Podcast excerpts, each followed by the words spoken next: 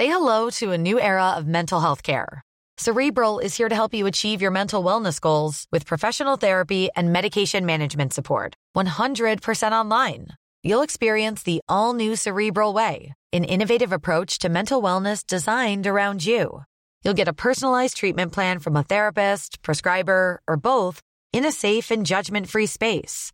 Your cerebral therapist or prescriber will outline a customized plan with clear milestones along the way so you can get to feeling your best. With Cerebral, you're not alone in your mental health journey. We're here to empower you to live a fulfilling life. So take that first step towards a brighter future and sign up today at cerebral.com slash podcast and use code ACasts to get 15% off your first month. Offer only valid on monthly plans. Other exclusions may apply. Offer ends July 31st, 2024. See site for details.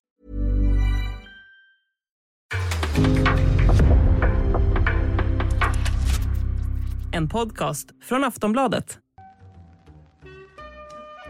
In the supermarket, you have eggs class 1, class 2, class 3. And some are more expensive than others, and some give you better omelets. That's the wrong information. Wrong, wrong, wrong information. I didn't say that. That's the wrong information. Do you think I'm an idiot? Wrong, wrong, wrong information. Now look at me when I talk to you. Your job is to tell the truth. That's the wrong information. Wrong, wrong information. Varmt välkomna till Sillypodden. Det är torsdag, Makoto Asara heter jag. Sitter här i studion, har sällskap av, ja, Samuel Abrahamsson tillbaka. Välkommen tillbaks får jag säga. Tack så mycket. Och eh, Josip Ladan, första inspelet för den här säsongen, eller det här fönstret i Sillypodden. Kul att se dig här. Ja tack så mycket, kul att vara här. Verkligen, man känner verkligen att man är liksom så här. nu kan ingen annan, nu måste han in. Så det är lite, lite som en supersub fast, eh, fast tvärtom. Du är naturligtvis hö- högre värderad än så Josip, det, Ja, det- hoppas jag att du, du är väl medveten om. Ja Men- det tål att diskuteras, men men kul att vara här i alla fall. Ja, eh, det har hänt en hel del sen senast. Eh, Jag vet inte riktigt var vi ska börja igen. Ska vi börja med det absolut senaste som dök upp? För David Ornstein, eh, The Athletics trovärdige Arsenal-korre kan man väl nästan kalla honom, har ju kommit med lite uppgifter om Arsenals nästa steg på transfermarknaden. Samuel, vad handlar det om? Ja, Sinchenko från City ska man eh, förhandla om. Och det har det ju ryktats lite om tidigare i fönstret. Och det har väl snackats lite om Everton och West Ham och sådär. Men nu förlor, verkar ju Arsenal förlora kampen av Lisandro Martinez till Manchester United. Och då får man ju se sig om efter något annat. Och då verkar det vara Ukraina som är första valet.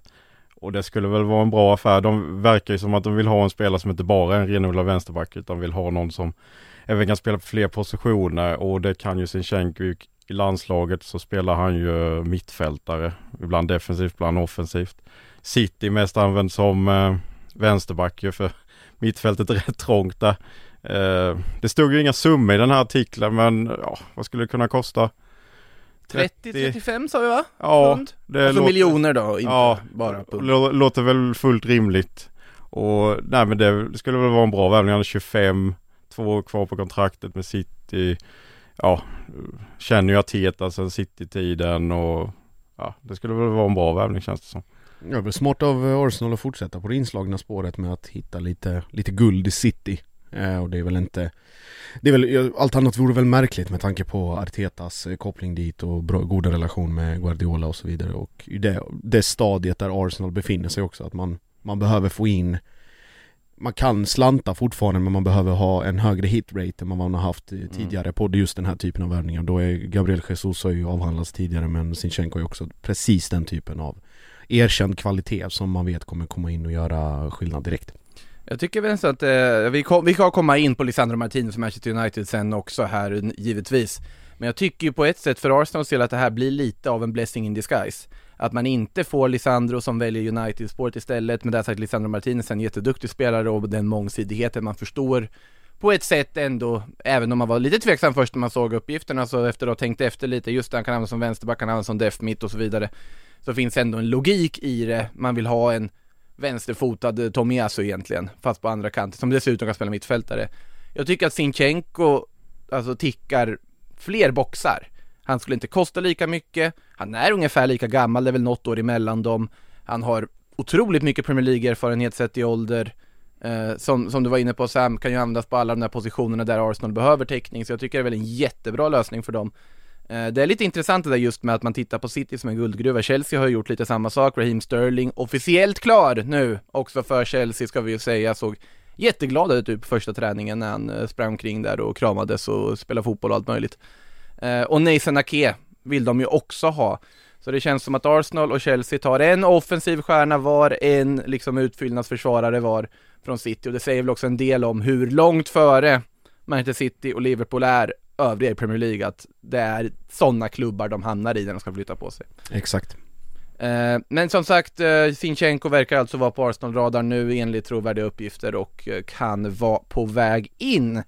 Eh, det om det, nu tycker jag vi går till den andra delen av London, nämligen till den blåa delen av London och Chelsea. Finns ju en vit del av London också i form av Tottenham såklart, men de har ju redan varit väldigt, väldigt aktiva i det här fönstret. Får väl se om de gör något mer, det är väl Jed Spence i sånt fall då, som ska in och ska lite spelare bort också. Men Chelsea, Kalidou Koulibaly. Vi har pratat om honom i, jag vet inte hur många år, han ska ha kostat en miljard varenda år och det har alltid varit United, Chelsea, Liverpool, City. Toppklubbarna i Premier League har alltid velat ha Koulibaly, det har alltid ryktats om Koulibaly, det har aldrig blivit något med Koulibaly. Nu blir det något med Koulibaly, till slut, med ett år kvar av kontraktet eh, och Chelsea får en av sina mittbackar de vill värva, vi kommer till resten av dem sen. Eh, Josip eh, Koulibaly, vad tycker du om den värvningen? Ja, det är ju snarare ett underbetyg till Napolis ledning att det får fortgå den här totala, eh, hur ska jag säga, ut utstädningen eller som Mm. sker i liksom, eller hur då De Laurentiis ställer sig till de här, den här typen av spelare och vad de betyder för så väldigt många människor mer än just klubben och, och laget Napoli att men det han är bara den senaste i ledet, det är ju samma med Mertens där det fortfarande är ingenting klart och det ser väl ut som att han inte kommer att stanna heller Mm. Insigne borta sedan tidigare och, och nu Koulibaly, ja man cashar visserligen in men det är samtidigt det är sådana avbräck som, som man kommer märka liksom efter fem minuter i första matchen vad, vad det är för, för betydelse. Så eh, det är väl, det är nog eh, snarare Napoli som ska ha sig en jävla känga istället för att City ska, eller Chelsea ska ha sig en, en superhyllning för att det är som sagt inget nytt att, att de är där och petar. Men också ett år kvar på kontraktet, han själv vill inte förlänga.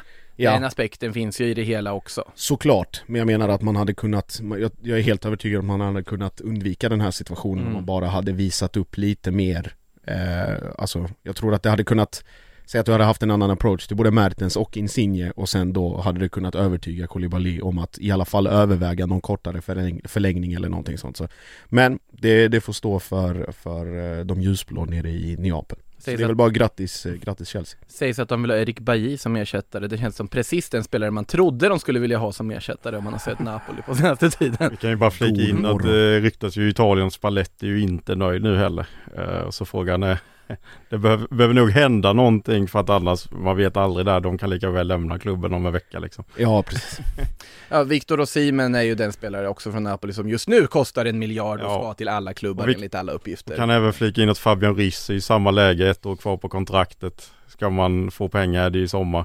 Verkar inte vara jättesugen på att förlänga heller så att det bara fortsätter ju som just Ja, men lite precis så- har redogjort. lite snåbe, eh, snöbollseffekt där. Att Mm. liksom en, två, tre, fem, snart kanske sex borta liksom. Mm. Det blir Det blir en eh, omställning för väldigt många att jobba på ganska kort tid. Det är ju inte heller skitlänge liksom, visst fönstret är öppet men det ska ju lösas också. Sånt här kan dra ut på tiden när det är så många som ska, Mm. som ska ersätta samtidigt. Fabian Ruiz som varje sommar ska till Barcelona och Real Madrid. Det har inte varit så mycket snack om det just den här sommaren. De har väl haft annat för sig, båda de klubbarna. Mm. Eh, men vi får väl se vad som händer om man går in i free agency. Eh, nu är det ju sådana tider i hockeyn så kan man använda de orden här också. Ja just det. Eh, så är det. Eh, men ja, Napoli som sagt, stort tapp för dem såklart. Eh, Men om man tittar på Chelseas del, eh, man betalar en ganska saftig summa ändå för en 31-årig back med ett år kvar på kontraktet, eller ganska rimlig summa egentligen, 40 miljoner euro då inräknat prestationsbaserade bonusar. Däremot är ju det som är anmärkningsvärt, tycker jag i alla fall i den här dealen, är ju att det är ett femårskontrakt. Mm. Man skriver Ja. alltså fem år med Kalidou Koulibaly, 31 år gammal. Eh, vilket gör att han, vi vet inte hur hans utveckling kommer vara under de kommande åren. Naturligtvis som mittback så håller du lite längre, det finns större potential och Koulibaly med sina egenskaper är en spelare som skulle kunna hålla väldigt länge. Men också med en väldigt rejäl lön om man tittar på då hela den här affären eller transaktionen om man då räknar in lön, man räknar in bonusar, man räknar in alltihopa så landar det på över en miljard kronor Mm. för en 31-årig back. Mm. Ja och han brukar ju missa runt 10-12 matcher sådär per säsong också de senaste åren på grund av skadeproblem. Så det får man ju också räkna in och nu när han blir äldre.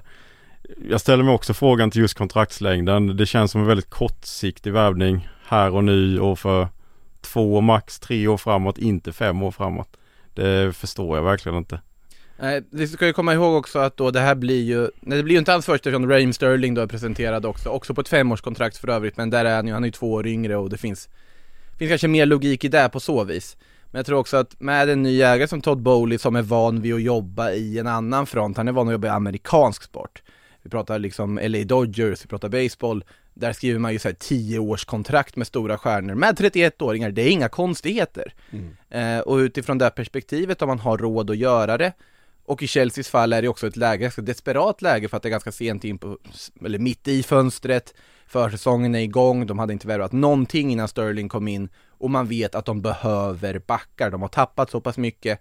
Kolibali var en spelare som många andra klubbar också ville ha. Kolibali själv var ju intresserad av att gå till Barcelona. Det har ju blivit lite av ett signum för alla stjärnor som sitter med ett år kvar på kontraktet att Jaha, Premier League-intresse? Nej, jag vill till Barcelona och försöka få till en lön som de egentligen inte har råd att betala.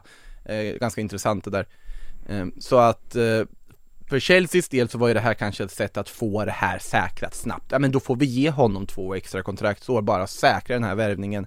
Man får en fantastisk mittback eh, som kommer att göra otroligt mycket nytta för honom. Man är inte så van att se honom i en trebackslinje ska ju sägas.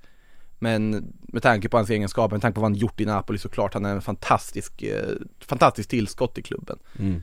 Eh, Men de är ju inte klara där, för att de vill ju värva inte bara en, inte bara två, utan tre stjärnmittbackar. Vi var inne kort på Nathan Ake, eh, där kan vi bara konstatera att de förhandlar fortfarande med City om vad det skulle kosta och så vidare och Ake verkar väl vara sugen själv. Men även Presnel Kimpembe från eh, PSG, vad, vad säger ni om Kimpembe? Känns det som rätt val för Chelsea? Ja, börjar du? Ja, alltså det snackas ju också mycket om eh, den här unge 19-årig talangen som jag just nu har tappat namnet på. Levi Colwill. Ja precis, tack Makoto. Eh, som var utlånad till Huddersfield förra säsongen. Såg rätt mycket reaktioner på Twitter igår från Chelsea-fansen som var förbannade över att Ja men han ryktas ju till väldigt många klubbar intresserade. Liksom både Arsenal och dessa 15. Det är ju liksom både topp och lite toppklubbar och lite sämre klubbar. Eh, och Arsenal och sådana kan vi nog utesluta. Men eh, Chelsea-fansen tycker ju såklart att man ska satsa på de egna för att det är så många som har försvunnit genom åren här nu och det är likadant vad händer med Conor Gallagher och Brocha och så vidare. Så tre känns väl kanske lite så här ta Key också och satsa kanske på en eh, liksom honom också. Jag tycker kanske att det räcker men Ja, jag vet inte. Jag kan ändå förstå fansen där att man ändå vill se de här egna talangerna. För Chelsea är ju fantastiskt bra på att få fram dem. Och det är klart att en del har fått chansen genom åren men det är också väldigt många som har försvunnit istället ju. Mm. Man, Det, det är väl både för och nackdelarna med den, alltså att du har en så pass fungerande akademi kontra ett så starkt representationslag. Att det blir, det blir lätt att man, man går lite över ån efter vatten ibland. Eh, nu med, med, eh, med allting, alla de här parametrarna. Jag, jag skulle inte säga att Kim Pembe är den här precis liksom Wow, alltså om vi pratar de här tre som du nämner, då är Ake är ju precis i mitt, mitt emellan de här två, där Koulibaly är den som är riktigt wow wow Kim Pembe känns mer så här, ja, kan vi få honom billigt så tar vi väl honom, men det är inget liksom att man, man skriker oh shit, nu har Chelsea lyckats lyckats få honom. Men det beror också på priset, alltså skulle de få det för, ja, vad vet jag, en hälften av Koulibaly till exempel, då är det väl bara att tacka och, och ta emot. Jag tror inte han kommer göra bort sig, men jag tror inte det kommer bli något att han, att han sticker ut nämnvärt i, i resten av den här backlinjen. alltså transfersumman kommer ju vara mer än Koulibaly. Det är helt uppenbart. Och då är det, för mig, då är det inte värt det. Du tycker inte det? Nej. Alltså jag, jag, jag håller väl inte riktigt med, jag tycker alltså Kim Pembe 26 år gammal, fransk landslagsman, jag ser ju, jag tycker det är konstigt till att börja med att PSG anser honom utbytbar.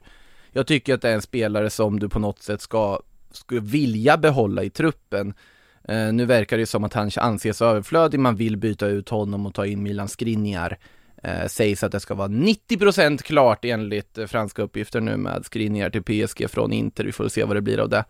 Eh, men att de då vill bli av med Kim Pembele är öppna för att lyssna på bud på honom. Mm. Och då pratas det om runt en halv miljard kronor, det är ju liksom 50 miljoner euro. Eh, tycker jag är en ganska rimlig prislapp i sammanhanget. Så, så pass högt håller jag honom. Men samtidigt, och sen då också, du får in en spelare som passar just i vänstra positionen i den där backlinjen. Man tänker sig då att de kommer spela Kim Pembe, Thiago Silva centralt och den säsongen nu han har. Thiago Silva kan inte spela varje match heller. Mm. Och sen då Koulibaly, du har Nathan Ake som, som tillskott i det här då. Chaloba som du kan använda i den här rollen också. Eh, Levi Colwill verkar väl gå någon annanstans som sagt, eh, även om det känns som en spelare värd att satsa på. Eh, Sarr får väl se vad som händer med också. Även Aspelekueta lär väl försvinna. Aspi han, han har ju har- spelat i treback ibland ju. Ja, eh, Reef James har spelat i treback Mm. ibland, ska vi också komma ihåg till på högerpositionen. Eh, även om man gör sig absolut bäst som höger wingback. Eh, så det finns alternativ. Jag, jag ser ju anledning, om de kan göra det utifrån att de har tappat Rydiger och Christensen, vill göra sig av med Sarr, vad det verkar, så ser jag ändå logiken. Sen kommer det bli dyrt, för att det är ju inte några, det är ju premium mittbackar de köper. Det kommer ju totalt sett gå på närmare två miljarder hela det här kalaset, Mm. tänker jag. Och det är väldigt mycket pengar. Och då är frågan, kommer de investera i annat? Nu kom det uppgifter här under dagen att Cristiano Ronaldo inte längre är aktuellt för Chelsea. Mm. Eh, och att man då har Raheem Sterling som har värvat, räknar med att ha Havertz, Werner, Sterling och kanske då till och med behålla Brocha och rotera med dem offensivt. Det verkar ju vara Tuchel som säger nej till Ronaldo helt enkelt. Ja, Enligt vad precis. engelska medieuppgifter. Det låter väl vettigt kan jag tycka. Det är inte en spelare, alltså han är ju fantastisk på att göra mål men jag tycker inte att det är en 37-åring Chelsea borde gå efter. Ja, fast de vill fortfarande ha Lewandowski om han ska bli tillgänglig. Nej, tre år yngre. ja, men likväl. Eh, Ja, jag Och en jag- annan, en annan karaktär. Ja, ja så är det naturligtvis Ja. och det är inte en spelare som du måste bygga allting kring på samma sätt Men jag tror att Chelsea ändå skulle må bra av en notorisk målskytt Absolut. Jag tycker att Lewandowski hade varit en drömvärvning för dem Nu är problemet att Lewandowski Ja vi kommer säga det, många spelare som sagt är helt inställd på att gå till Barcelona istället Just det. eh, Så att eh, det, de sitter ju och väntar egentligen vad som händer i de förhandlingarna Vi kommer naturligtvis till dem, det har hänt lite i Barcelona-lägret också Eh, men ja, vi, vi får se vad som händer, men jag förstår varför de vill värva tre mittbackar i alla fall. Det, och jag tycker det är tre bra mittbackar i sammanhanget, ändå. Ja. Eh, på tal om mittbackar, ska vi gå till Manchester och det som pågår där, eller rättare sagt det som pågår i Amsterdam. Eh, för där är Lisandro Martinez nu säkerligen inställd på att han kommer få sin flytt till Manchester United. Eh, stora framgångar i förhandlingarna som har varit där de senaste timmarna. Eh, om man då räknar in senaste dygnet då. Eh, där de har kommit mycket närmare varandra. De ska väl till och med vara överens om en transfersumma på 50 miljoner pund. Inräknat då bonusar kan sträcka sig upp till 55 miljoner pund för den 24-årige argentinske landslagsbacken. Och där har jag ljud på i telefon också, det var ju dumt. Eh, men ja, Lisandro Martinez, vad eh, säger vi? De, det är ju spelaren som tydligt United har velat ha. Eh, de verkar få honom också. Ja, det känns också som eh, Även om man inte var direkt inblandad i det på det sättet har jag svårt att se men eh, Ten Hag-stämplad värvning, även det. Mm. Eh, Och det blir väl en Ajax 2.0 revival här var, vartåt det barkar. Man har pratat om att Donny van de Beek kommer få större chanser Tjatat om att få in Frankie de Jong, nu får man Lisandro Martinez, man får alltså Och allting som kommer prägla eh, Prägla verksamheten på Carrington så att Det är väl eh, Och det är också återigen, då går vi tillbaka till vi, vi ty, Eller jag tyckte Kim Pembes prislapp var också så här Är Lisandro Mart- Martinez 50-55 miljoner pund material? Nej, jag tycker inte det. Inte, inte liksom så, hade det varit 25-30, fine, kanske till och med 40 Men 50-55, det är för att Ajax vet att United har en dålig historik av att spoila pengar på ingenting. Mm. Och det är därför det kommer, kommer nu också att man kan trycka ut den, den prislappen ur dem Och det är ingen är nöjdare, ingen är nöjdare än Ajax. Så det är väl, jag ska inte kalla det rån, men jag kan kalla det liksom en jävligt bra deal för, för Amsterdamklubben. De har ju verkligen fått hela sin vilja ge dem. Ja, ja, allt Det är ju, och jag håller med, alltså Mattides är en jätteduktig Ja, mittback, men kan ju även vara vänsterback och defensiv mittfältare så här. Men så, jag håller med dig Josip att liksom för över en halv miljard och spelat bara i Ajax, holländska ligan. Jag, jag känner liksom inte att så pass bra är han inte eh, här och nu. Och han får gärna motbevisa mig men jag tycker det är ett överpris med minst 15 miljoner pund kanske. Alltså viktigt att poängtera här att det är 55 miljoner euro. Mm. det är ju en stor skillnad, men likväl så håller jag med om, precis det du säger, att Ajax har lyckats spela alla i händerna här. Att när Arsenal och United går in, de var egentligen inte så sugna på att sälja Lisandro Martinez. Och det var en mycket lägre prislapp det pratades om i början. Sen när det blev en dragkamp, när man var, såg väldigt tydligt att både United och Arsenal var väldigt benägna att värva honom, så chockhöjde man priset. Det var ju det som också på något sätt jo, ändra, ändrade liksom spelplanen. United var mer bestämda på att de ville ha honom. Arsenal gick ganska snabbt över på andra alternativ. Dessutom var Lisandro Martinez själv väldigt tydlig. Jag vill spela under Ten Hag United. Jag vill inte gå till Arsenal.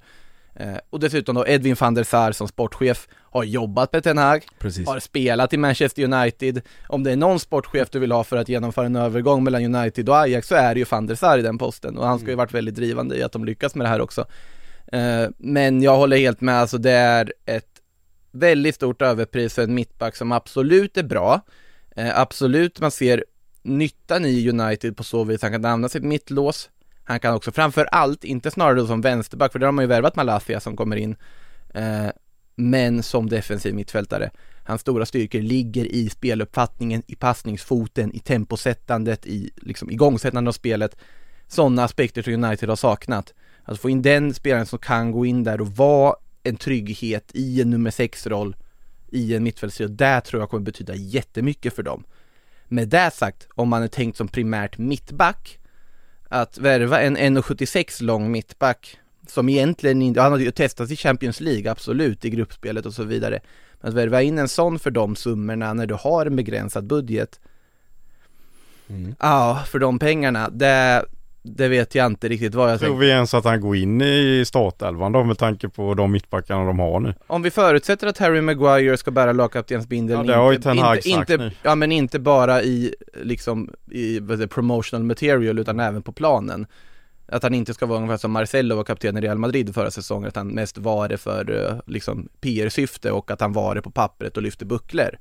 Om Maguire är tänkt att vara den ledande rösten även på planen, då ser jag ju, jag har ju svårt för det är Varann som går in där också. Jag tycker absolut att Victor Nilsson Lindelöf går att argumentera för att han är en mer, alltså mer meriterad mittback än vad Lisandro Martinez är idag. Eh, och det här ser jag som vanligtvis älskar argentinska mittbackar. Nu är Lisandro Martinez lite för slipad för att han ska ingå i den kategorin som jag uppskattar, det vill säga typ Marcos Rojo, Otamendi och den stuket av mittbackar. Genknäckare. Riktiga dårar. Ramiro Funes Mori till exempel, där har vi en, ja. Ja, ligger varmt om hjärtat den typen av argentinska försvarsspelare. Eh, Lisandro Martinez är för smart för att ingå i den kategorin, han är för slipad På alla plan. för skicklig, ja på alla sätt och vis. Så att eh, det, det går inte, jag går inte igång lika mycket på det som om de hade värvat tillbaka Marcos Rojo.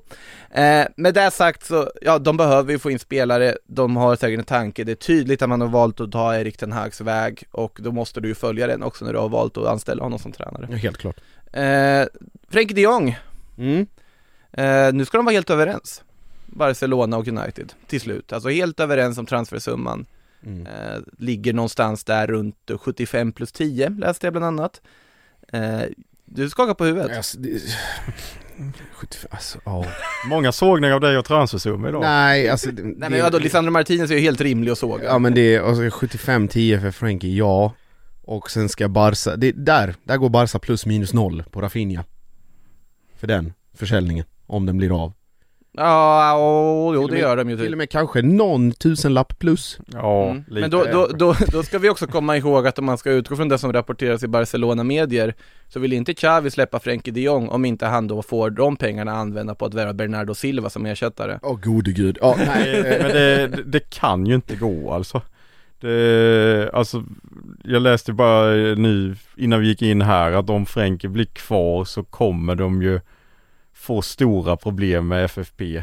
Och det vet vi ju såklart men alltså jag, Jag jag, jag, vet- helt liksom inte. Jag, vet helt ärligt inte hur de ska lösa det här, jag har ingen aning. Nej, Och det, det blir bara konstigare och konstigare för varje dag. Och det har ju varit just med de Jong att det har varit så jävla mycket velande Fram och tillbaka, ska jag, ska jag inte eh, Ten Hag ju flytta från Barcelona, flytta till Manchester, bullflytt. Men rent socialt, men fortfarande Att behöva göra allt det där och, och vela som du säger fram och tillbaka och det, det, det var väl i så fall priset som, som skulle avgöra. Och Barca i det läget de är Kommer United med 85 miljoner, ro hit dem bara. Jag tycker att, alltså prislappen tycker jag är högst rimlig för alla. Jag tycker det. Utifrån den kvaliteten han har och vad han kan bidra med till United. Jag ser utan tvekan att det finns en rimlighet att betala dem för United också Däremot, där de sitter i just nu jag, jag har varit inne på det förut med just hur liksom Frenkie de Jong som speltyp, hur han, alltså mm. han kan lyfta varenda spelare i det där laget i det där mittfältet. Han kan bli en stjärnvärvning som visar vä vägen även för andra rekryteringar. Titta, vi är fortfarande Manchester United, stora Manchester United, mäktiga Manchester United som kan plocka den kalibern av spelare från den hyllan och vara med och utmana om alla titlar som går att utmana om igen. Eh, för det är de kravbilder man ska ha på Manchester United. Eh, men däremot är problemet Frenkie de Jong själv inte vill flytta på sig. Han vill vara kvar i Barcelona, Barcelona är hans drömklubb. Och nu pratar vi om någon som också visar verkligen hur mycket han vill vara kvar med tanke på hur Barcelona behandlar honom just nu. Eh, det som också ska ju vara är ju att han anser sig vara skyldig, eller Barcelona är skyldiga honom ja, närmare 200 miljoner kronor i uteblivna bonusar och löner som han vill ha först innan han flyttar på sig någonstans eller ens tänker tanken. Barcelona har erbjudit typ 30 av dem. Mm. Eh, Sen kan vi skita i resten va? bara, bara ungefär så. Men Barcelona äh. sitter ju och agerar hela tiden som att de är liksom en storklubb med massa pengar. Alltså det här kan ju inte sluta bra Det här är någon som, alltså Bar Barcelona beter sig som, som någon som sms-lånar dagen innan lön Ja hela tiden Alltså varje bara, månad Varje månad, ja hela tiden De bara fortsätter Nej. Alltså till slut måste det ju gå åt helvete rent ut sagt, de, det känns De, de, de äter makaroner och ketchup 20 dagar om året och sen efter det då på löningsdagen Då går de ut och äter en riktig vrålmiddag med Femrätters eh, Michelinkrog vet du, det är... Ja, det, det är det och sen efter det så, oj då, är makaroner igen Eh, snabbmakaroner åsyftar jag då, alltså det finns ju finare makaroner med. Ja men liksom att man köper Raffinja för de här pengarna Pengar som knappt finns för en spelare de knappt behöver. Alltså jag har så svårt för det. Ja, det... Vi, vi ska komma till Rafinha här också, uh, bara, bara just i Frenkie-fallet först här, att problemet de också sitter i just nu, det är att de måste ju bli av med honom alternativt omförhandla hans avtal, för i och med den lönestruktur han har i sitt väldigt välbetalda kontrakt så kommer ju hans lön att trissa upp enormt mycket till nästa säsong, alltså säsongen 2023-2024 den förändringen som har skett nu inför den här har ju redan slagit in och nu ska han, det är väl The Athletic som kommer de här uppgifterna tror jag att det var runt 20 miljoner euro per år inräknat bonusar och att det teoretiskt sett då baserat på vad han presterar, då kan vi räkna med att han kommer spela matcher och sånt. Då är han uppe på 28 miljoner euro per år i lön nästa säsong och då ökar ju samtidigt andra löner som de har skrivit. Eh, så att, eh, eller andra kontrakt de har skrivit med andra spelare, så att de måste ju bli av med honom rent ekonomiskt om inte han väljer att omförhandla. Det är totalt moment 22, det är en totalt låst situation. Eh, och det, man lider med, alltså man lider med United som vill ha spelaren och fastnat i det här, för det här är, det här saknar motstycke egentligen alltså på just nu för dem, till och med för att vara United. Eh, man lider med Frenkie de Jong som sitter i en otroligt jobbig sits för honom. Eh, Barcelona, ja det...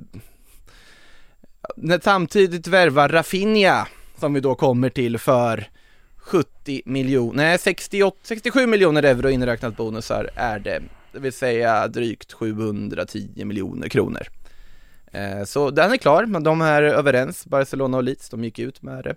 Lite ovanligt att Barcelona går ut med det likt Premier League-klubbar brukar göra, att vi är överens om en övergång för pending medicals. Mm. Det brukar inte spanska klubbar göra. Det gör Barcelona i det här läget. Vad det betyder tänker jag låta vara osagt. Har ens presenterat det?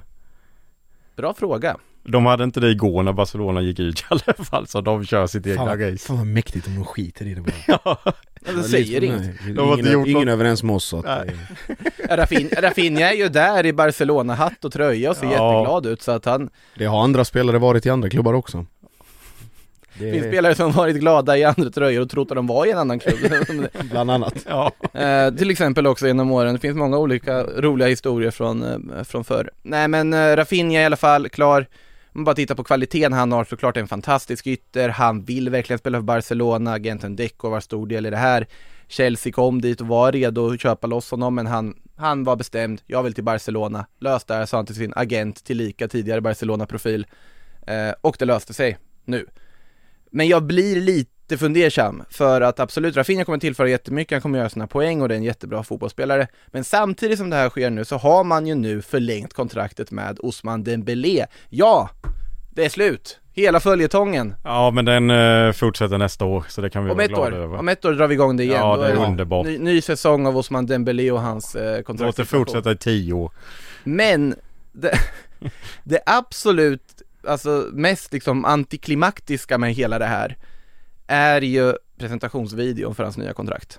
Ser ut som ett sånt filmprojekt när man går i femman. Ja det är ett klassrum i någon skola i Barcelona. Så Ja, sen utsuddat. Fick en whiteboard-tavla och en penna. Det är så här, så här mycket bryr vi oss om din jävla förlängning här. Ja. så kan vi gå vidare i våra liv känner Ja, de bara. exakt. Det, det Ja, sägs... jag tycker det är fem plus. Det, fler sådana här presentationer alltså. men det, det, det, det, det, Det är så jävla enkelt. Ja. det är totalt antiklimax. De har inga Utifrån- pengar att lägga på presentationsvideo så man får vi, göra det. vi, eh, så här, vi, vi tar det i ett klassrum, för vi har inte råd med elräkningen på Camp Nou. Vi, må, vi måste... Nej, det, vi, sorry, vi kan inte använda Camp Nou för just nu har vi ett inbokat bröllop där. det, så. Det, det kan man ju boka sitt bröllop och diverse annat på Camp Nou nu för tiden om man vill. Eh, Spotify Camp Nou menar jag. Just det, just Eh, nej men, eh, jag, jag håller med, det är 5 plus den här videon. Men det, för det är just på att det är sånt antiklimax. Att du, vi har gått igenom allt det här, han har varit utfryst ur truppen, det har varit snack hit och dit. Det var ett tag man kände, ja, men han kommer säljas, han kommer säljas. Varenda klubb i världen ville ha honom, vilket fynd det finns att göra här. Osman Dembélé, en av de mest tekniskt gudabenådade fotbollsspelarna på denna planet när han är som bäst.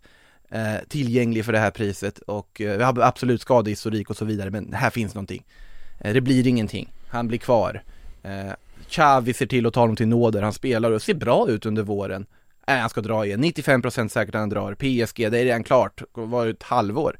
Nej, det vart inget med PSG för de anställde en sportchef som inte ville ha honom. Eh, och en tränare också på det. Och ja, Chelsea då? Nej, det vart inte någonting med Chelsea heller. Eh, så att, eh, och så bara, ja, men jag stannar väl i Barcelona. Går med på en 40% i lönesänkning i slutändan. Tjänar lika bra som tonåringarna i truppen. Det vill säga liksom Ansu Fati och Pedri, alltså bra tonåringar då. Eh, skriver på för två år och presenteras som att han står och suddar ut en whiteboard-bild. Det står 2022, sudd, 2024, Viscal Barca. Äh, Jag, ty- jag tycker det är så vackert. Alltså jag blir...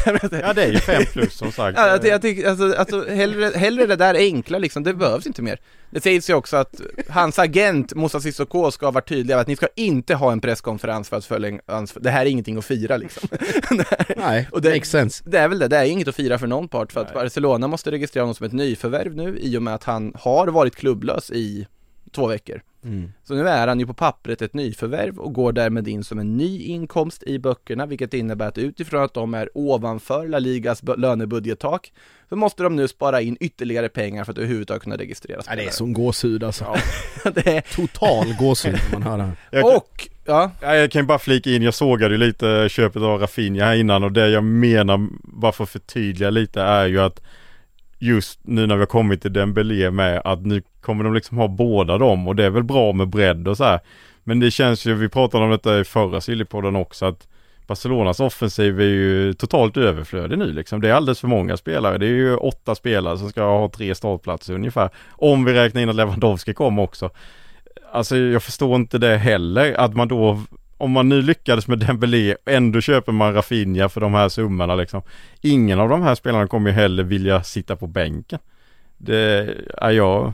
Jag Nej jag är det helt inte. med dig. Jag är helt med ja dig. nej, de är ett överflödiga. Ja, Alltså, ett kraftigt sådant nästan. ja, bisarrt överflöd. Ja, om Lewandowski som jag sa där Ja. kommer också. För då är det liksom så här, Aubameyang kom ju inte till Barcelona i vintras för att sitta på bänken hela tiden. Ja, precis. Vilket han kommer få göra nu om Lewandowski kommer. Kommer inte eh, han så lär väl han vara centerforwarden kanske. Men ändå, det, det känns... Vad är planen ens? Ja, de, sp- de spelar så här football manager bara. Ja, Det är Jo, liksom men- Samla på sig allt och sen se vad man gör det, när det är klart. Men om vi bara för uh, tankeexperimentet räknar Lewandowski som att han kommer då, att de Mm. löser med Bayern München, vi kommer till det också. Eh, då har man Lewandowski, man har värvat in Rafinha för väldigt mycket pengar, han kommer spela, Lewandowski kommer garanterat spela. Eh, sen har du då Osman Dembélé, som har valt att förlänga kontraktet. Du har Ferran Torres som värvades för ett halvår sedan som skulle bli en bärande del av det nya Barcelona med Xavis liksom inspirationen, spelare som blev handplockad av Xavi för att liksom bli en del av det nya Barcelona, symbolisera det nya Barcelona och där det ska stå för. Han har vi. Eh, och vi har också Ansu Fati, mannen som fick nummer 10 efter Lionel Messi. Eh, den som jag tycker är den spelare de överhuvudtaget alltid borde ha satsat på mest. Nu har ju han haft sin skadehistorik, men varje gång han är frisk så är han banne med den bästa spelaren de har. Han är ju Och- talismanen med Pedri och Gavi i den Ja, egentligen. ja. Ja, alltså precis. Du har dem eh, som ska slåss om den platsen. Det är, och Aubameyang glömde jag också. Han värvades också in i vintras eh, för, som har en stegrande lön, spelade väl för volontärlön under våren och ska nu börja få lite betalt, antar jag. Och Memphis Depay.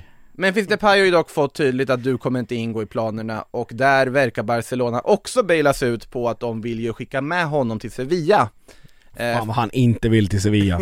Han vill verkligen inte dit. Det, det intressanta är då, jag förstår ju inte varför det ens är aktuellt att Sevilla skulle kunna tänkas gå med på 40 miljoner euro plus Memphis Depay för Jules Koundé. Alltså jag... Vilket är något som har diskuterats. Och Ja, jag, jag lider med Sevilla som, och det har jag sagt förut, som hade det i princip klart med Chelsea, hade kunnat få hur mycket pengar som helst, Chelsea har gått vidare på andra alternativ.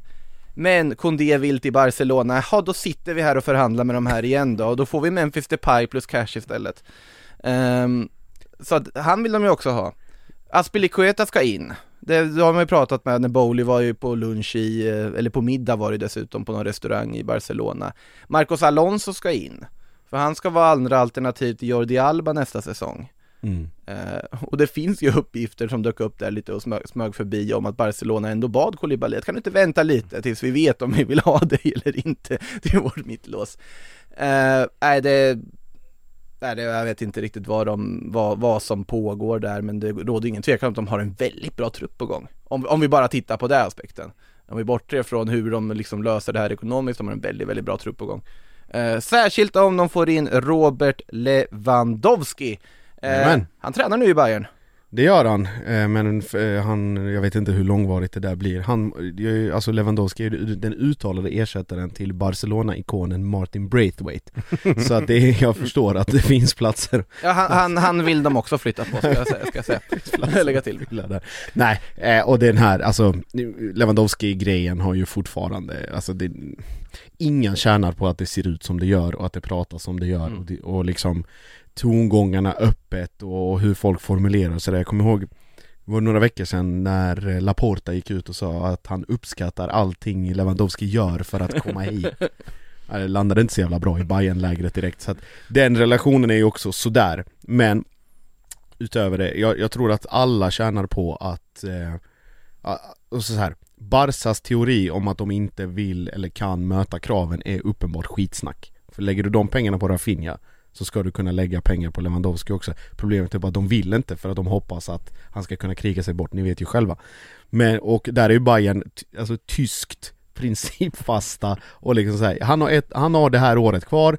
Det här är pengarna, annars stannar han och då behöver inte han spela, han kan sitta här och lyfta lön, det är inga problem för oss för vi vet att vi har pengar. Ni har inte de pengarna, säger ni Och så hela den, den soppan, det är, ju- sen är det ju såklart alltså, det är ju det är en sak att de, att de tjafsar mellan varandra och retas och har sig men det, det ska aldrig behöva gå så långt som de uppgifterna det kom att Han får ta emot dödshot och inte liksom kunna ta med Nej, familjen tra- till Tyskland och så. Tragiskt. Det, det känns ju ganska, ganska överdrivet och någonting som absolut inte hör hemma i de här sammanhangen eller i något sammanhang överhuvudtaget men alla hade mått bra av att det här löser sig typ igår eh, så, och så kan alla, alla gå vidare lite och sen så nu när vi ändå pratar om Lewandowski, pratar om Bayern Också en ny vända, en ny tur i en ganska infekterad historia eller som har varit lite halvinfekterad, Gnabry Mm. Som Eh, fyller år idag. Som fyller år idag, han år idag? 27. Grattis, 27? grattis! Gra- gratulerar Serge Gnabry, önskar Silly-podden. 27 år gammal, känns som att han är 35 Skitsamma eh, Han i alla fall då har bestämt sig för att stanna och då har det kommit ett mycket, mycket bättre då kontraktsförslag från Bayern än det som, som tidigare har varit uppe på, på bordet Och, eh, och gör ju liksom förvånansvärt mycket poäng trots att han inte liksom utmärker sig på något sätt heller och har inte gjort det den här säsongen heller. Han har sina liksom perioder där han kommer i fyra, fem matcher när allting flyter på och sen så så stannar det av lite grann och sen kommer någon, någon insats där. Men, och sen när man väl tittar i protokollet och tänker han har inte gjort någonting. Det är en assist där, det är två mål där, det är en, alltså det, det rullar på. Sen så med Nagelsmann Liksom med ett år till och vad det innebär och alla nyförvärv som har gjorts till Bayern München under det här fönstret Det är hittills 5 plus eh, Och skulle man eh, göra sig av med Lewandowski för en bra peng, ja då är det 6 plus Vi är uppe på toucha, fem dansande till och med Fem, fem dansande plus som Ja. säga. Exakt, men eh, nej, alltså eh, Lös det bara. Det, det, som sagt, det tjär, ingen tjänar på, på hur det ser ut nu. Men, tyck, inte. men tycker du att plussen i fråga dansar även om man inte värvar någon mer ersättare till Lewandowski? Alltså att man använder då Leroy, äh, äh, alltså, men nu tycker jag att Serge Gnabry förlänger till att Ja. börja med. Jag börjar med den aspekten. Eh, Lewandowski säljs, då har du värvat in Sadio Mané. Eh, du har Leroy Sané kvar och så Mm. vidare, men du värvar inte en renodlad anfallare, Nej. renodlad center, du använder Mané i den rollen. mm. Eller, eller alternativt Müller som någon sorts raumdeutande ja och sen Musiala som backup. Ja, Musiala har du ju också Mm. dessutom. Skulle du fortfarande säga att det är ett 5 plus fönster? Absolut. Mm. Alltså, och det, och då, det, går ju, det går ju ihop med den historiken som Bayern har av just att inte locka till sig de här redan Alltså nu var ju Lewandowski klart i Dortmund och i tyska ligan och i, i någon form av världsfotbollen etablerad Men det är inte det här wow wow superstjärnenamnet, alltså det att man värvar Mané är ett undantag för att det är ofta den här typen av Verkligen. spela, eller framförallt forward, centralforward som är liksom att man kommer till klubben och sen så tar man sitt nästa steg tillsammans med Bayern innan man, Mm. innan man går vidare och sen liksom stannar två, tre år. Så att Lewandowski-situationen och hela hans liksom tid i Bayern har ju varit präglad av succé egentligen fram till nu. Eh, och han har ju stannat där mycket längre kanske än vad, vad man trodde att han skulle Mm. göra och knäckt alla rekord och allting som finns. Men jag, jag är helt övertygad om att man är man är mer än nöjd med den besättningen som finns offensivt eh, och med tanke på att framförallt det centrala mittfältet har varit en liten akilleshäl nu med mycket skador och eh, att det är hackat lite i, i det spelet och att Kimmich har fått ta, ta en liksom ganska stor roll, Alaba försvann och liksom fått täcka lite alla möjliga positioner nu med, med Gravenberg in på, på ett långtidskontrakt och, och med allt Otroligt billigt pris. sett billigt pris och eh, att man lyckas landa den i den konkurrensen med, Mm. de, med de klubbarna som fanns, det, det är hatten av. Mm. Så det, det finns väl, eh, jag skulle säga, man går, man går väl in i den här säsongen från Bayern-håll lite mer förhoppningsfull än vad man gjorde förra året. Eh, om man bara tittar på, på den kvaliteten som faktiskt finns där nu. Spontant hade inte ett fönster med Mazraoui, Ryan Gravenberg och Matthijs de Ligt ansett vara väldigt bra ur ett Uniteds perspektiv.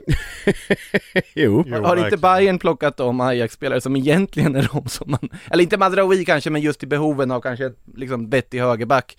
Eh, Ja, bättre än Van Bissaka så att... Ja men precis och, och att alltså, Gravenberg är ju Bayern var ju otroligt snabba ute där men det Mm. förstår jag ju för att det är ju en fantastiskt spännande spelare i den åldern och spela på den nivån han gör. En av Eh, sommarens bästa affärer faktiskt. Ja utan tvekan, Mm. en, eh, ligger väldigt högt på min eh, lista över topp 50 värvningar om ni inte har sett den på Sportbladet så in och gör det, fick man lite egen reklam där också.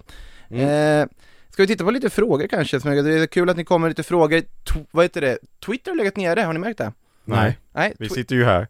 Ja, jag sitter med dator där också. jag Ja, sitter med körschema här vet du. ja där kör schemat ja, där jag Mm. gjorde. Sånt har vi. Mm. Ja, nej Twitter har legat nere faktiskt. Det har varit en diskussion här, men det har, nu verkar det vara igång igen. Eh, men vi ska se vad vi har för frågor här i, eh, vi har ju på Youtube och TikTok naturligtvis också. En fråga från TikTok kan vi ta. Eh, flera som frågar faktiskt, två stycken om Tottenham. Eh, blir det någon pokal i år? Med tanke på vad de har värvat och vad de, du sitter bara och skrattar där. Ta det Sam. Ta det. Ja, nej det blir det inte. det, Jag fastslår det så Ja. jävla enkelt också. ja, men eh, ja. Många vet nog var mina sympatier eh, ligger också så att eh, ja men, eh, Men vad, vad talar emot det då? nej, men Champions League har de ingen chans på. Ja men det har ju, det är ju typ tre lag Premier League har de ingen chans på. Nej. Alltså, för att- Det är ju bara två lag som har chans Ja det är. City och Liverpool. Alltså ligacupen känns ju inte som något Conte bryr sig om eller? Det är en pokal. Ja men jag tror inte han bryr sig om den för att satsa på dem. Alltså han kommer ställa ut något gäng och sen oj vi åkte ut. Typ. FA-cupen är chansen liksom. kommer de lyckas VOA sig själva ur det som de gjorde med Conference League. Ja varför inte? Nej jag tror inte det blir det. Något av det absolut smartaste Tottenham någonsin Men gjort, nu får ju alla VOA sig själva ur Tottenham, Conference eh, på mig men eh, det är ju väntat. Ja, det är Axel Berger på Youtube skriver det, håller jag på Liverpool med Spurs ligacupen. Tänker han Mm. att det skulle kunna vara en pokal som de skulle kunna vinna. Eh, jag vet inte vad de är för försäsongsmatcher för där finns det ju också pokalmöjligheter såg Ja, vi. de när vann med United- sex. Jösses vad. United var glada för den, eh, Bangkok Det ska ju dock sägas, även om Liverpool hade 32 spelare och gjorde extremt, jag har aldrig sett en så stor trupp till en match tror jag som Liverpool hade i den matchen. Det var så många olika människor de hade hittat. Det var nästan som man undrar om alla ens tillhör ak- akademin eller om de hittat någon på, liksom på stan också på vägen dit. Ten Hag fick ju bjuda på ett litet leende där han tog emot den här låtsaspokalen. Ja, men, Såg ut som någonting fyndlåda Ja, han tänkte vad fan är det här? men, de, men de slår ändå Liverpool med 4-0 i Ja. säsongens första match. Det, det går ju inte att få en bättre start. Nej Det är verkligen nästan inte. som att man faktiskt, Det är lite för lite förtjänt av en pokal på det här. jag tycka. Ja, jo, jo. Eh, apropå just det här med försäsong och sånt där, de spelade ju i Bangkok då, Liverpool mot United, alla är ju ute på äventyr runt om i stora vida världen. Eh, Tottenham är ju i Sydkorea samtidigt, Emerson Royal eh, Kung gick, ut på, Vilken jävla tweet gick ut på Twitter i Jag trodde han var i jag Thailand. vet, inte, jag vet inte om det är flytande thailändska, men det var på thailändska där han tackade thailändska folket för för liksom uppmärksamheten och gästfriheten under deras besök i, ja, Sydkorea. Ja, jag älskar Eh, sånt. Helt, helt omedveten Vilken jävla kung ja. Jag hoppas det var han själv som tweetade mig och inte något jävla mediateam. Alltså, ja, det gör det ju det, det, är ju, det det är ju en väldigt bra fråga om det Ja. är medieteamet som han har eller om, Ja, jag hoppas det är då, han då är själv. det inte ball, alltså om det är han, 100% ball Nej, då, om det var medieteamet blir man ledsen att det är någon människa som precis fick sparken från Ja. sitt jobb och det är ju alltid tråkigt. Eh, vi ska se om vi har något, eh, precis, eh, vad har vi mer? Så du, du, du, du, titta lite på frågor. Eh, här är en fråga från Anton Johansson. Med Malaysia och Lisandro in i United, måste inte United sälja några backar? Tre starka namn på vänsterback, ja om man då räknar Lisandro som vänsterback. Hur många mittbackar som helst och rätt många till höger. Rätt många till höger? Ja, två. Bambisaka och Dalot. Ja. mm. Nej men några kommer ju försvinna. Bajy tror jag. Bajy är ju i Napoli eh, aktuell. jag tror han Sebe tror jag kan lånas ut. Eh, Alex Tejes har det ju ryktats lite bort om. Jag tror att Shaw kommer ju stanna. Så jag tror att det blir Tejes som får försvinna. Telles där ryka ja. Ja, och ja, det är väl dem Ja. eller? ja te- På Telles, rakan. Bajy, Lindelöf blir ju kvar till exempel och så. så Mm. nej, det är väl dem. Eh, och det är ju ingen som kommer sakna dem i United. det kan jag ju inte tro alltså. det, nej, alltså Bajy är ju, ja det är ju en hopplös spelare alltså. Det, Ja. han är så, Hopplös tycker jag väl är ja men han är fantastisk ibland alltså. Men sen, Fruktansvärt ojämn ja, Man blir inte klok på karln nej. Så det är ju synd om Napoli tänker ersätta Koulibaly med honom. Ja det, ja, jo Ja, det... Men det är väl de som kan tänkas försvinna. det är, som att, det är som att titta på en katt och försöka rita av den själv Med att ha pennan i munnen Typ Det är den typen av ersättning Vad är det för liknelse? Skitenkelt Jag ska rita av en katt, istället för att Ja. använda handen använder jag munnen så rita med pennan Alltså ritar. Nej men det är väl eh, de som försvinner. Eh, jag kan inte tänka mig att någon annan Maguire blir kvar, Lindelöf kvar, Varann kvar. Ja Lindelöf lär inte flytta på sig Nej, någonstans. så det är väl de. Och det är ju helt rimligt om de försvinner också. Och Cristiano Ronaldo kvar om man tittar på andra sidan av banan verkar det som. Har en fråga här från TikTok också. Vad tycker vi om att Saudiarabien lägger bud på Ronaldo på 250 miljoner? Då syftar han väl på pund då.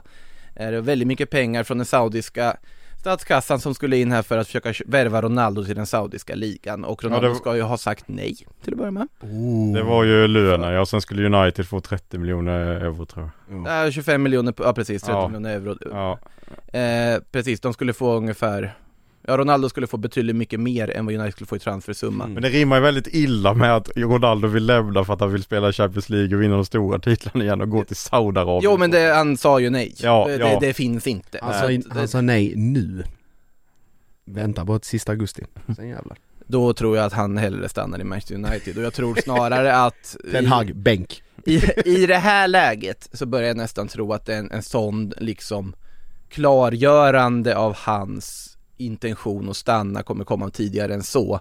För nu när Chelsea verkar ha sagt nej och ja, liksom Bayern München verkar inte heller aktuellt i dagsläget även om det liksom fortfarande inte vill släppa riktigt det där ryktet om Bayern München och Mm. Cristiano Ronaldo. Det ligger ändå där och marinerar. Det sägs vara det som Ronaldo helst skulle vilja till och det finns en stor logik i det. Absolut bäst möjlighet att vinna titlar om man jämför med liksom alla alla de alternativ som finns. Tyskland är en liga han inte har gått till, det skulle inte göra, liksom störa någon av de supportergrupper han har byggt upp ett förtroende hos tidigare Men han känns så fruktansvärt icke Bayern München kompatibel som person och som liksom karaktär Så jag vet inte riktigt Nej, Det är, väl, precis. det, det är ju där det klaff, det är liksom det skär sig Exakt. Napoli ligger ju där också fortfarande och vill Ja. inte helt släppa de ryktena heller. Eh, men nu blir det ändå ett läge där hans image kommer ju skadas av att om Jorge Mendes och Ronaldo får tillräckligt många nej från andra klubbar, det skadar ju imagen till när han faktiskt ska börja förhandla ut med andra när han blir free agent. Så att nu är det väl ett läge att snart börja koncentrera sig och säga bara jag stannar kvar i United. mm. Att lägga det på hans eget bevåg att jag väljer att stanna. Mm. Ur PR-mässigt perspektiv smart. Sen är det ju så att han är ju ett superproffs, han kommer att eh, liksom komma tillbaka i spel och spela. Nu är han ju borta på grund av familjeskäl här från liksom inledningen av försäsongen och fått tillåtelse till det. Han kommer ju komma tillbaka och leverera för United, det betvivlar jag inte på det sättet. Eh, vi ska se, det var lite frågor där, ja, har vi någonting kvar i körschemat? Ja vi har ju våra, våra svenska Ja, vi jag har ju våra svenska vänner här, precis. Eh, Alexander Isak och Newcastle mm. har det pratats om en del. Eh, och det är i och med att Newcastle uppges enligt The Telegraph var redo att lägga ett rekordbud för att locka den svenska 22-åringen från San Sebastian och Biscayabukten Mm. till eh, St. James Park. Mm. Och det jag säger direkt till det, det är ju varför i hela friden skulle Alexander Isak känna att, ja men gå till Newcastle nu, det hade varit kul. Med tanke på vilka, vilka Newcastle både förra året och lite nu i år har tittat på Vilka alla namn som associerats med Med den klubben och de nya ägarna så är det ju inte liksom Det, det är inte långt bort från att vi tre hamnar på den listan snart också Ja, ja jag, jag skulle faktiskt snarare säga att Newcastle faktiskt har skött sig ganska bra. Men nu pratar jag bara om vilka man har kopplats ihop med och vilka man har Ja, du menar de hundra namnen som var i vintras? Ja, där, var- där var vi med. Var, där var, den, den listan var vi med på, den shortlistan Nej men precis som du säger, alltså Om vi Han kommer ju från en ganska så här, eller Knappt godkänd säsong utifrån Ja, ja, ja, vad, är vad, det. vad man vet, vad man är van vid med Alexander Mm. Isak. Och, Men det är också just, just den omställningen att gå från eh, liksom La Liga och den typen av försvar till att gå upp till, till England. Och med den prislappen så kommer ju också en kravbild Alltså omgående, det finns liksom inte utrymme för någon form av infasning eller anpassningsperiod på ett halvår där man liksom sakta men säkert kommer in. Utan det är så här: okej De pengarna kommer här nu in och leverera, vi vill ha 15 mål innan Innan jul liksom.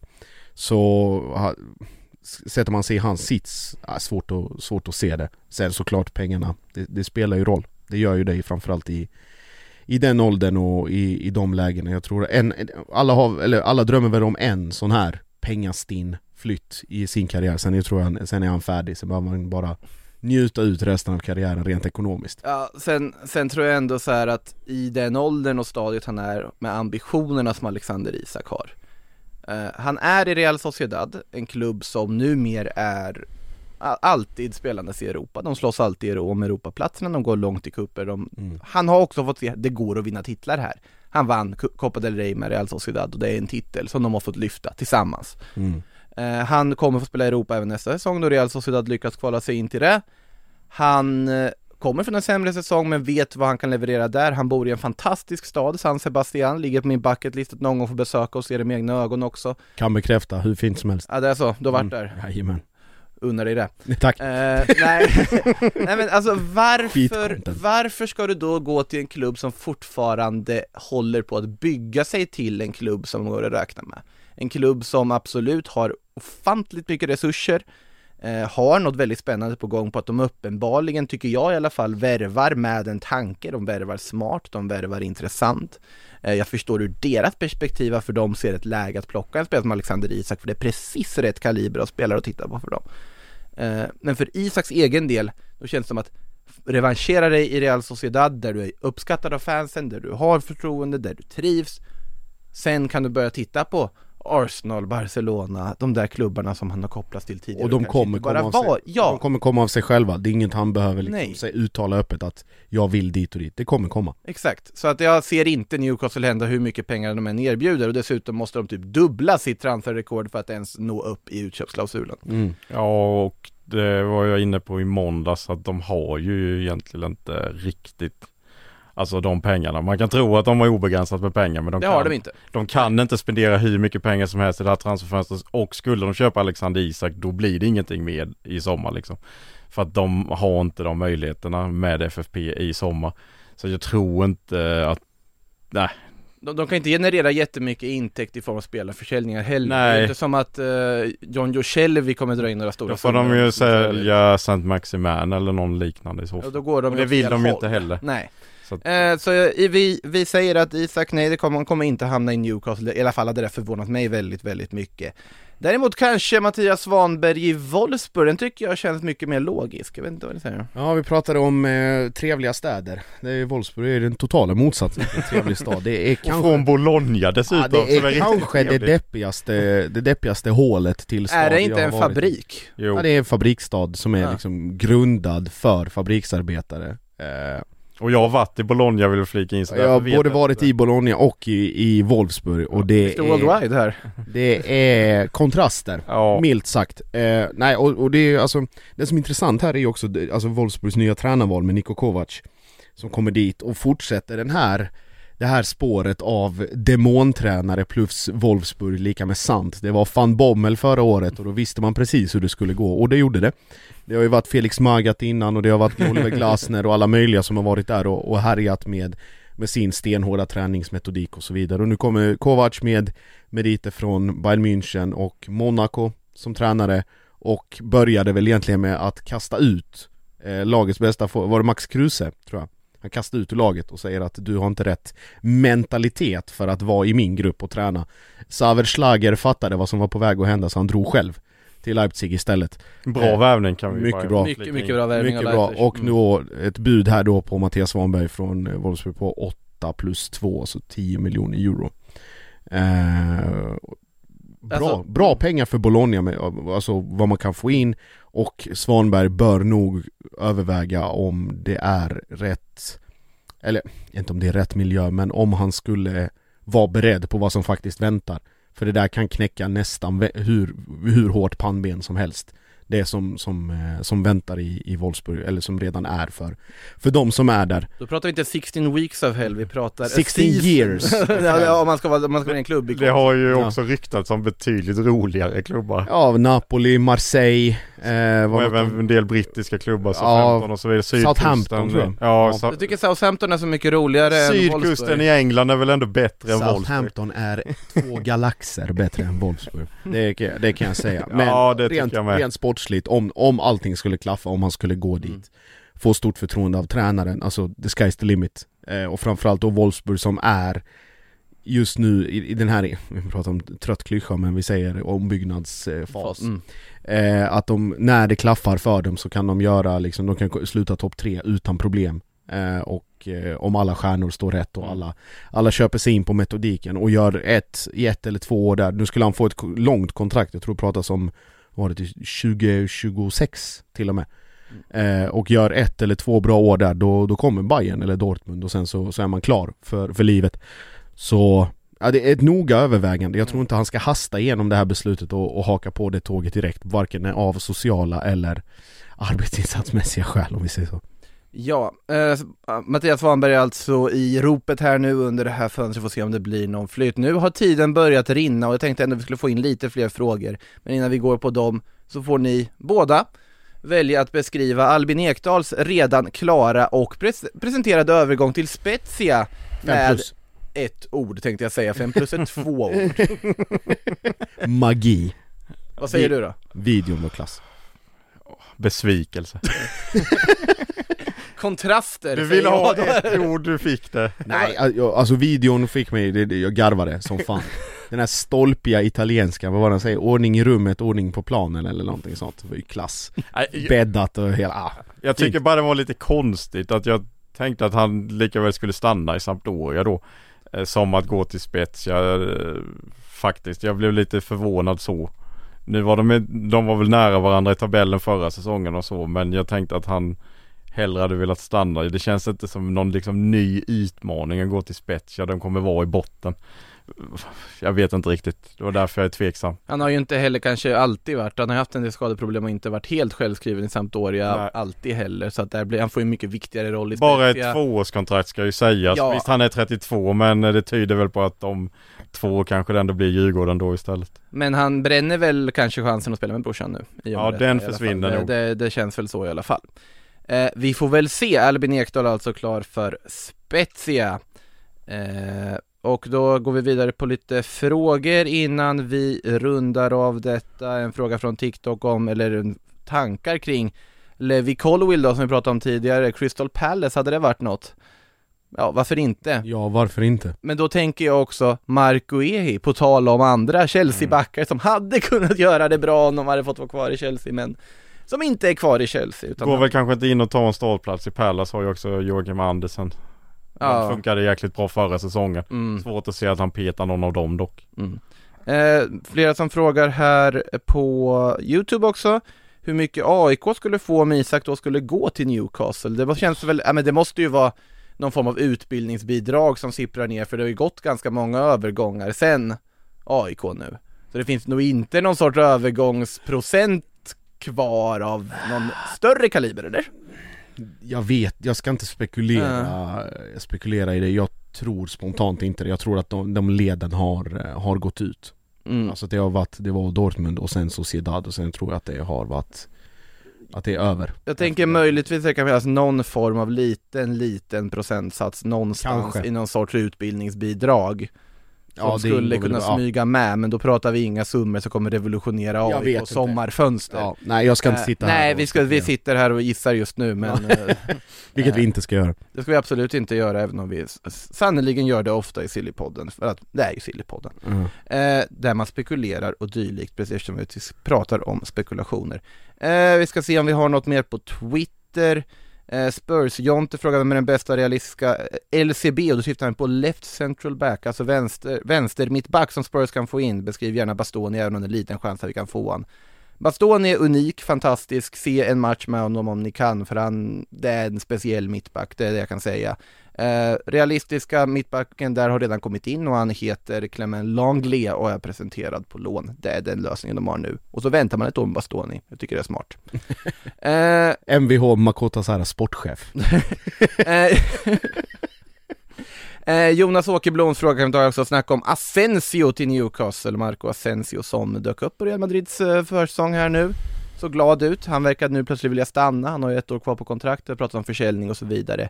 Eh, för Newcastles del hade det varit en fantastisk värvning i det här läget. Men då ska vi komma ihåg att klubbar som Milan och Liverpool och så vidare också är intresserade. Så jag Yes. tror inte Newcastle kan handla på den hyllan än. Eh, ja, vi, kan ta, vi tar en Roma-fråga också, det tycker Åh, jag. Innan vi, eh, Andreas Nyman kommer här. Hur ser det ut för Roma gällande spelare in? Tror ni Zaniolo blir kvar? Och finns det några rykten om klubbar som drar i Pellegrini?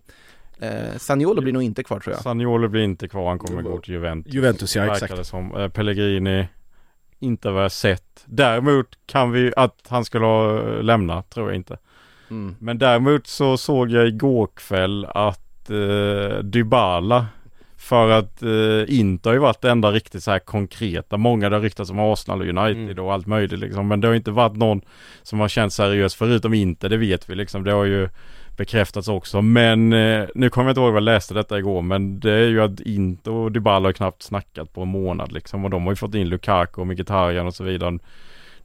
Behövs han nu liksom Lautaro stanna och så vidare. Och då är det ju Roma som tydligen eh, ska vara de som är intresserade. Och det skulle ju vara en fantastisk värvning för Roma känner jag. Men problemet är, vill han verkligen gå dit? Alltså Dybala, Tammy Abraham Och Pellegrini. Med Mourinho. Men jag tänker, Dybala har ju säkert en, Jordan Fertou Ja, men Dybala har ju en självbild av att han ska liksom, han var Juventus nu, att det är liksom inte United, alltså de här riktigt, som betalar riktigt mycket pengar med, det kan ju inte Roma göra.